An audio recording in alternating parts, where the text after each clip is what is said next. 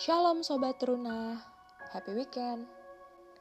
Di hari ketiga bulan Juli 2021, bacaan Alkitab kita terambil dari 2 Korintus 12 ayat 11 sampai 15. Mari kita baca bersama-sama.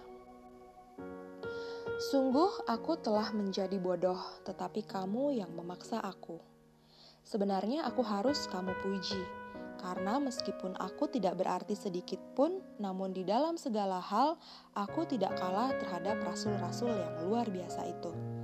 Segala sesuatu yang membuktikan bahwa aku adalah seorang rasul telah dilakukan di tengah-tengah kamu dengan segala kesabaran oleh tanda-tanda, mujizat-mujizat, dan kuasa-kuasa.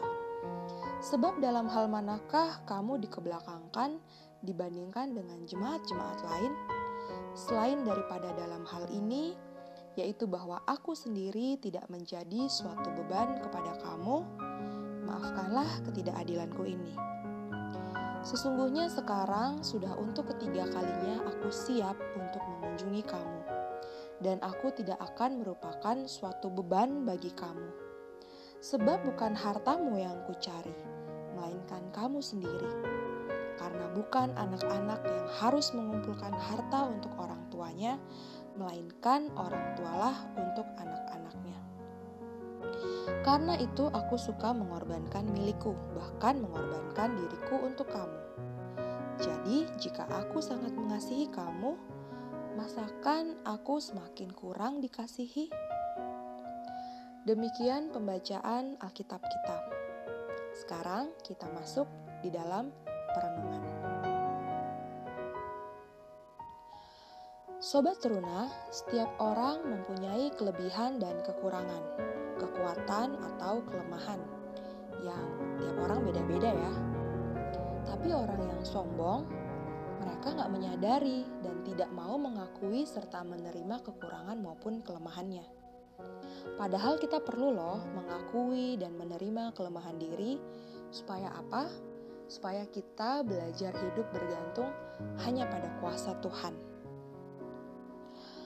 Rasul Paulus berani mengakui kekurangan dan kelemahannya. Kalau teruna baca di ayat yang ketujuh, di situ digambarkan kekurangan atau kelemahan Paulus. Dia nggak malu menyatakan, "Aku diberi suatu duri di dalam dagingku." Dengan kelemahan itu, Rasul Paulus dapat bersaksi tentang kasih dan kuasa Tuhan dalam hidupnya. Kalaupun Rasul Paulus menceritakan pengalaman rohaninya dengan Kristus, itu karena dia merasa dipaksa oleh jemaat di Korintus. Padahal di ayat 11a sebenarnya Paulus merasa hal itu maksudnya menceritakan kelemahannya itu adalah suatu kebodohan. Menurut Rasul Paulus, pelayanannya di tengah jemaat Korintus ia lakukan dengan kesabaran disertai dengan kuasa Tuhan. Itu adalah bukti bahwa dia adalah rasul. Di samping itu, dalam di dalam pelayanannya, Paulus tidak pernah menjadikan dirinya sebagai beban atau merepotkan jemaat. Paulus juga melayani bukan untuk mencari keuntungan.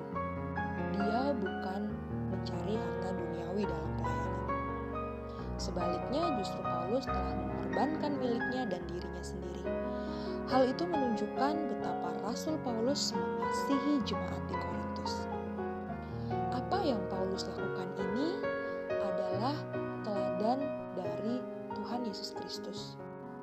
Tuhan Yesus Kristus juga telah mengorbankan dirinya dan yang menjadi milik kepunyaannya.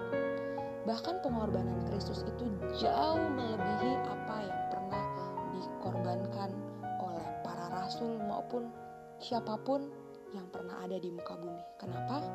Karena Kristus sudah mengorbankan milik sendiri, miliknya sendiri. Bahkan Alkitab mencatat ia telah mengosongkan dirinya. Allah itu sendiri telah mengosongkan dirinya dan mengambil rupa seorang hamba dan taat sampai mati bahkan sampai mati di kayu salib. Siapa itu? Yaitu Kristus. Kenapa? Karena Kristus sangat mengasihi jemaatnya. Kristus sangat mengasihi umatnya. Kristus sangat mengasihi Kak Amel dan juga kalian yang sedang mendengarkan podcast ini. Nah, Sobat Runa, mari kita meneladani apa yang sudah Kristus lakukan, yaitu menyadari kelemahan kita dan mengakui bahwa tanpa Tuhan, tanpa kasih dan kuasa Tuhan, saya bukan apa-apa. Saya tidak bisa melakukan semua perbuatan baik kalau tidak ada kasih dan kuasa Tuhan di balik semua itu. Mari kita meneladani apa yang juga Rasul Paulus lakukan. Meski ia telah mengorbankan dirinya dalam pelayanan di tengah jemaat di Korintus, tapi dia nggak sombong. Dia nggak memegahkan dirinya sendiri. Dia nggak menepuk dadanya dan bilang, ini semua karena kehebatanku, ini semua karena pelayananku, kepintaranku. Tidak, dia tidak memegahkan dirinya. Bahkan Paulus justru membuat dirinya tidak merepotkan atau tidak menjadi batu sandungan bagi jemaat. Dalam hal ini Rasul Paulus membuktikan diri sebagai orang yang kehidupan dan pekerjaannya bergantung pada kasih serta kuasa Tuhan. Kita perlu belajar dari Kristus dan juga dari hidup dan karya Rasul Paulus. Dan mari kita mengaminkan apa yang tertulis dalam firman Tuhan di dalam ayat yang ke-9 bacaan kita hari ini. Cukuplah kasih karuniaku bagimu.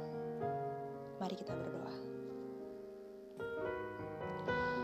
Tuhan, mohon ajarlah aku mengakui dan menerima kelemahan diri, agar aku dapat belajar hidup hanya bergantung kepada kasih dan kuasamu. Terima kasih untuk firmanmu ya Bapa pada hari ini. Dalam nama Tuhan Yesus Kristus, aku bersyukur, aku berdoa. Amin.